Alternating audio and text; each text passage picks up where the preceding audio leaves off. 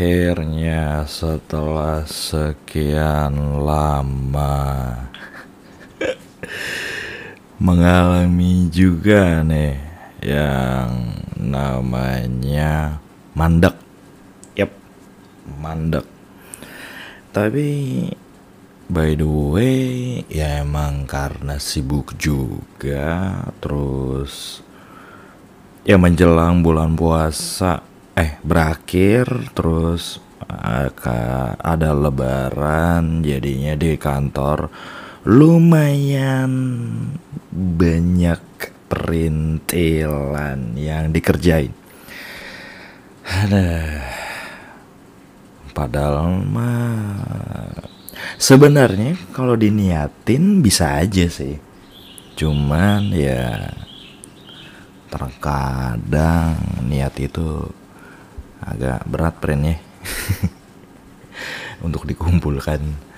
So um, kemarin gue sempat kepikiran ya tiba-tiba kayak out of nowhere all of the sudden out of the blue kepikiran tentang cita-cita. Menarik sih sebenarnya karena setelah gue melihat ke belakang dan gue menyadari kalau dari kecil itu gue nggak pernah punya cita-cita. Beneran kayak dulu waktu kecil mungkin orang-orang ditanya kayak uh, cita-citanya apa? gitu. Macam-macam dijawabnya. Mungkin ada yang jadi dokter atau ada yang mau jadi polisi atau ada yang mau jadi pengacara atau ada yang mau jadi pilot ya kan? Uh, eh, gue itu waktu kecil sama sekali clueless tuh gue soal cita-cita. Dalam artian gue nggak pernah kepikiran dan gue nggak nggak tahu sebenarnya mau jadi apa. Asli. Nah itu juga mungkin yang akhirnya membuat gue ketika dewasa tidak tahu. Tidak kenal arah anjing. Jadi um, waktu kecil itu gue uh, hanya ngebeo aja jatuhnya. Ngebeo tuh apa istilahnya ya kayak burung beo gitu di uh, orang ngomong apa gue ngikut aja deh gitu kan. Jadi ada salah satu sepupu gue yang umurnya lebih tua 5-6 tahun di atas gue itu dia suka bilang kalau pengen jadi sarjana mesin gitu. So I still remember uh, kejadiannya gue masih inget banget clear banget. Waktu itu kayak kelas 2 SD ditanya sama guru gue waktu itu uh, setiap anak ditanya gitu cita-cita mau jadi apa mau jadi apa gitu. Gue masih inget itu ada beberapa yang nyebutin kayak mau jadi insinyur. Zaman dulu masih ada tuh istilah insinyur. Mau jadi dokter ada yang mau jadi waktu itu ada yang mau jadi ada yang mau jadi bintang film gue inget banget. Nah ketika bagian gue ditanya gitu uh, iya uh, Samuel cita-citanya mau jadi apa? Gue langsung kayak anjrit apa nih oh ya sarjana mesin. Padahal gue sih ngerti mesin anjir. Gue juga nggak terlalu tertarik soal mesin gitu kan.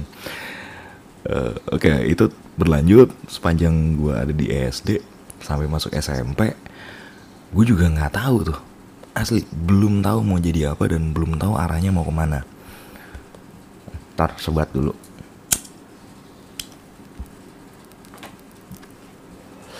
Sebenarnya biar manjangin durasi aja sih. Nah ketika gue SMP kayaknya masih sama deh. Bahkan sempat ada kejadian kelas 3 nih gue inget ya waktu itu kelas 3 eh sorry kelas 2 kelas 2 SMP kayak waktu itu uh, kelas gue kayak menang satu perlombaan internal lah di sekolah. Akhirnya dapat hadiah uh, diajak jalan-jalan lah. Waktu itu nginep di sebuah villa di kawasan Lembang. Uh, terus ada satu malam di mana kita semua dikumpulin dan kayak ditanya gitu 10 tahun lagi akan jadi apa? 10 tahun lagi akan jadi apa? Ditulis gitu. Gue kayaknya agak samar-samar cuman yang gue ingat adalah gue tuh nulis kalau 10 tahun lagi gue akan jadi waktu itu umur gue kayak sekitar 12 lah ya 10 tahun lagi yang gue mikirnya gue akan bekerja di sebuah perusahaan. Udah itu aja.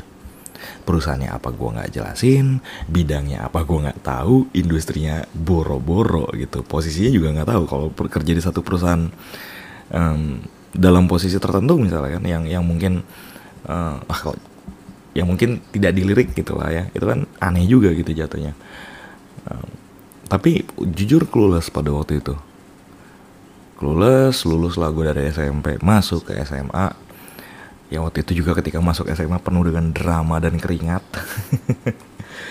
Ya karena gue pengen sekolah di Jakarta lah.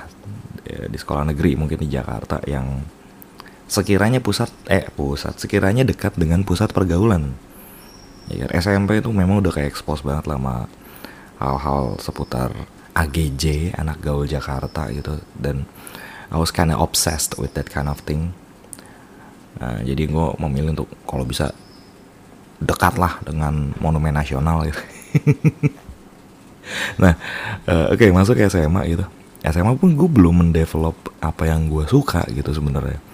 Mulai kepikiran sih kayak pengen mendalami arkeologi mungkin pada waktu itu karena satu gue suka sejarah, yang kedua gue sangat-sangat tertarik lah dengan hal-hal yang berbau masa lampau gitu, histori gue banyak baca buku-buku apa biografi orang-orang terkenal mungkin dan uh, apa dulu ya yang komik itu? Uh, seri tokoh dunia itu. Wah itu gue fascinated banget dengan hal itu. Uh, jadi gue mikir kayak kayak arkeologi kali ya. Seru nih kayaknya. Nah problemnya pada waktu itu gue tidak lucu gini sih gue emang agak pasif agresif bukan agak sih emang kayaknya mikir kayak oke okay, gue harus ke sini gue harus ke sini gue harus ke sini nah tapi um, untuk menjalani proses menuju ke sananya itu gue nya rada naik turun naik turun nih gitu kan. E, sampai akhirnya waktu berlalu waktu berlalu itu udah kelas 3 ini nih epicnya mungkin puncak e, dari semua permasalahan yang terjadi dalam hidup gue tuh kelas 3 SMA sih 2009 ya berarti itu ya waktu itu emang gue udah masuk di IPS gitu karena memang gue sendiri juga tidak terlalu berminat di IPA gitu gue mikirnya.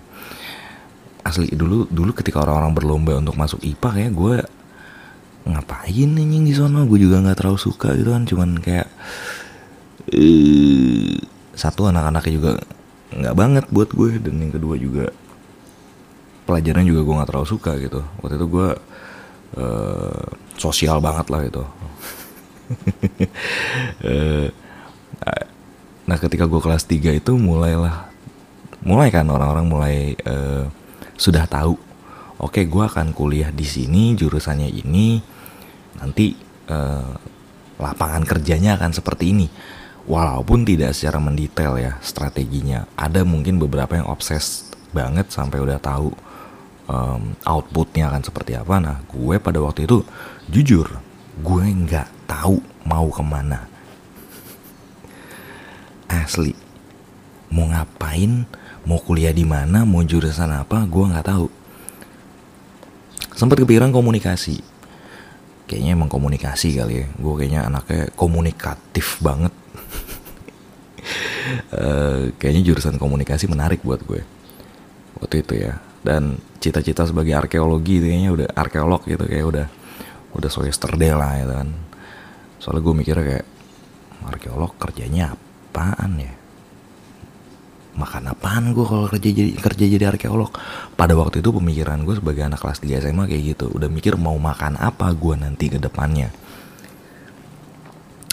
Uh, lanjut waktu itu juga gue mikir kayak wah sekolah seni kali ya kayaknya seru gitu ngeband apa. Waktu itu kan udah udah terekspos dengan uh, dunia skena musik dan lain sebagainya yang membuat gue kayak oke okay, kayaknya menarik nih. Kalau gue sekolah di sekolah seni dan uh, bisa bertemu dengan seniman-seniman atau mungkin uh, punya scene musik yang hebat gitu yang yang di mana makanan gue sehari-hari banget gitu ini dunia gue banget. Waktu itu kepikiran ke sana gitu dan uh, sialnya adalah gue memang si bisa gambar yang pertama dan yang kedua untuk masuk ke sekolah seni itu pada waktu itu udah lumayan mahal banget sih biayanya gitu. Karena ada satu masalah uh, dan lain sebagainya. Uh, budget terbatas nih dari orang tua gitu kan. Kuliah mahal bor gitu. Uh, pada waktu itu satu-satunya solusi yang mungkin bisa uh, menjawab ya pertanyaan akan biaya kuliah itu adalah dengan gue harus keterima di negeri. Dengan catatan melewati tes yang waktu itu apa ya? SNMPTN lah ya, atau SPMB pada zaman dulu atau PMDK itu yang jalur bebas tes ya kalau nggak salah dari raport. Uh, dengan asumsi kalau gue bisa dapet di situ dengan jurusan yang gue mau oke okay, akan aman-aman saja hidup gue gitu. Walaupun pada waktu itu juga belum kebentuk gue mau ke mana gitu akhirnya uh, jujur ketika itu bimbel ikut bimbel lah segala macam bla bla bla bla bla. Uh, gue juga naik turun di bimbel rajin banget kadang kayak anjing males banget gitu kan. Dan uh, melihat teman-teman juga kayaknya pasrah aja di swasta gitu. Ya doski pada mungkin duitnya ada gue sih ada duitnya. Jadi itu bingung sih gue. Waktu itu gue inget banget ya ketika pengum uh, ngisi formulir untuk daftar SNMPTN pilihan gue tuh ada di Pajajaran deh komunikasi waktu itu. Terus ada UNJ deh kalau nggak salah gue lupa deh lupa lupa inget gue UNJ terus pokoknya waktu itu targetnya pengen di Pajajaran di Unpad lah ya komunikasi karena kakak gue di Unpad teknologi pangan. Jadi udah udah udah pernah lihat ke Jatinangor udah uh, udah lihat lah gitu kan. Terus ada sepupu gue juga keterima di MIPA Unpad. Jadi yang gue mikir kayak oke okay, ada ada orang lah yang gue kenal di sana gitu ketika gue nanti akan start over meng eh, mengawali hari gue sebagai eh, hidup gue sebagai mahasiswa. Problemnya adalah gue pada waktu itu memang tidak terlalu serius ditambah juga ada masalah keluarga yang bokap gue sakit-sakitan jadi fokus gue kepecah gitu. Dengan berbagai halangan yang terjadi hasilnya adalah dia nggak dapet. Nggak dapet waktu itu ya udah tuh ikut simak UI gue inget banget tuh. Simak UI gue masih inget tesnya di SMA 7 Jakarta itu anjir gedungnya ngeri banget. Buat gue sekolah gue udah paling hancur lah gitu. Buat gue sekolah gue udah paling hancur. Masuk gang segala macam mobil paling satu doang muat. Kalau ada mobil datang dari arah berlawanan udah bentrok lah gitu. Ini lebih brutal lagi sih itu di BN Hill gue inget banget itu di BN Hill itu simak UI untuk masuk tes mandiri eh ja, tes tes jalur mandiri untuk masuk ke UI gitu waktu itu. Karena gue mikir wah yellow jacket ya keren nih kayaknya. Gue akan menjadi seperti Suhoki mungkin nanya ikut diskusi. Eh, nggak uh, dapet. Sayang sekali. Hmm, batuk kan lo nggak dapet gue harus uh, gue harus mengubur dalam-dalam impian gue untuk punya stiker We Are the Yellow Jacket di belakang mobil atau motor. Dan akhirnya tes tes negeri itu nggak ada yang masuk deh.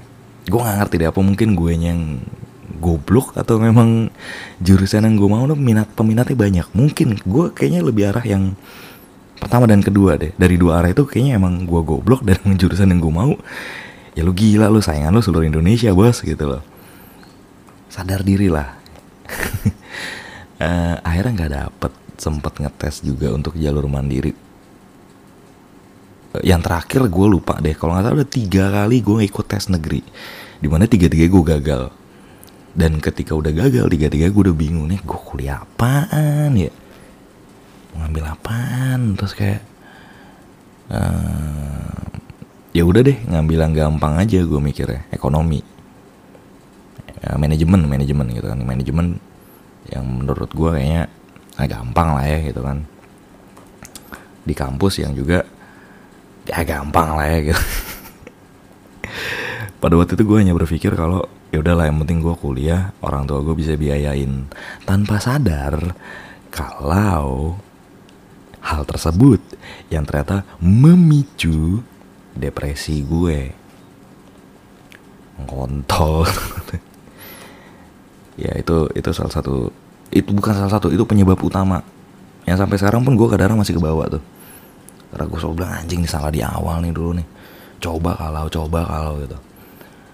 Nah kenapa waktu itu gue ngambil manajemen ya waktu itu memang jujur aja ya uh, gue agak bukan agak sih gue salahnya memang gue tidak fight di situ gue tidak fight untuk mendapatkan apa yang gue mau. Itu kesalahan gue 100% maksudnya gini kalau emang gue pengen keterima di kampus A misalnya gitu di jurusan yang gue uh, mau gitu ya gue harus fight dong untuk itu. Sementara pada waktu itu gue anggot-anggotan jujur aja anggot-anggotan dengan dalam artian karena uh, gue satu gue ada sedikit rasa skeptical sama diri gue sendiri. Yang kedua juga gue mikir kayak eh, teman-teman gue kayaknya di Jakarta semua nih gitu loh. Goblok itu sih gue selfless banget. Walaupun pada akhirnya mereka duluan yang cabut gitu maksudnya uh, kesalahan gue adalah sosok brotherhood ya tai kucing lah itu padahal semuanya. Itu totally wrong gitu. Karena gue mikirnya wah aku akan jauh dari skena musik yang aku sukai segala macam bla bla pertemanan ini akan abadi. Player itu fatal sih dan uh, akhirnya kuliah di manajemen masih kelulus juga ketika gue masuk. Jujur aja ketika gue mulai kuliah pun gue mikir kayak bakal ke mana gue? gitu loh dan uh, pekerjaan apa nih yang nanti akan akan bisa gue tekuni setelah gue lulus dari sini. Waktu itu poinnya adalah emang kayak pengen nyari uh, berkuliah di tempat yang memang eh, bukan di tempat di jurusan yang kira-kira setelah gue keluar gue bisa langsung kerja dan menghasilkan sesuatu. Gitu loh karena kayaknya satu-satunya cara untuk menolong keluarga gue kayak gitu. Kembali lagi selfless itu salah bukannya gue nggak nggak bilang kayak wah kita harus jangan selfless banget lah gitu. Jangan mengalah terus segala macam bla bla bukan begitu sih maksudnya. Cuman ada beberapa poin yang memang menurut lo itu ada uh, vital untuk diri lo ya jangan kalah untuk untuk ngejar hal itu gitu loh. Bukan satu dosa juga ketika lo ngejar itu. Itu adalah satu kesalahan dalam diri gue yang pada akhirnya uh, berimbas panjang gitu. Sehingga makanya pada hari ini gue mulai mulai mulai dari tahun inilah bisa gue bilang gitu mulai mulai bodoh amat dengan sekitar ya setelah berapa puluh tahun tuh gue melakukan hal seperti itu gitu loh. Nah kalau bicara soal cita-cita lagi kembali dari yang gue SD ngomong tiba-tiba nyeletuk sarjana mesin, SMP gue tiba tiba pengen jadi arkeolog, SMA yang gue pengen jadi seniman, um, jauh setelah gue lulus dan akhirnya gue berada di dunia kerja dan lain sebagainya, gue harus akuin sebenarnya cita-cita gue pada akhirnya baru gue temukan di umur 30 ini pengen jadi orang kaya. Get rich or die trying ya kan? Enggak sih bukan itu. Ya intinya adalah um, gue adalah salah satu orang yang tidak punya cita-cita dari kecil. Nggak kepikiran gue. Gue nggak kepikiran. Bahkan kayak waktu waktu apa SMP lah ya gue hanya berpikir kalau ya arkeolog itu adalah gue satu bidang pekerjaan yang mengabdikan diri gitu kepada orang-orang bukan untuk menjadi kaya bukan untuk mencari uang lah gitu misalnya pada waktu itu ya pola pikir gue SMP tuh. Gue pengen kayak Dr. Grant di Jurassic Park ya gali-gali tulang gitu. Itu yang sempat gue pikirin tuh. Uh, maksudnya uh, bukan pekerjaan yang pragmatis kali ya bisa dibilang gitu. Pragmatis sih? Iya pragmatis deh. Itu SMP dan gue merasa orang di di di tahun-tahun yang sama juga ketika gue SMP gue merasa kalau orang-orang yang punya privilege hanya mereka lah yang boleh bercita-cita. Karena mereka masih punya opportunity masih ada masih ada kemungkinan untuk meraih cita-cita tersebut dengan privilege yang dia punya anjing. Aduh duh, duh, duh. SMP itu udah mikir kayak gitu. Makanya gue uh, ketika SMA tidak tidak banyak berpikir soal cita-cita dan lain sebagainya gitu apa yang mau gue raih nggak ada sih. Jadi kayak hidup hanya untuk hari ini hari esok ya mikir lagi tapi gue rasa cita-cita bukan hal yang buruk cita-cita bukan sesuatu hal yang harus dihindari banget sih. Ada beberapa orang yang uh, ya minim privilege yang gue sebut tadi bisa-bisa aja sih. Gue nggak menyalahkan orang-orang atau anak-anak yang ingin bercita-cita gitu walaupun ya dalam hati sih gue kayak hmm, tunggu saja nak.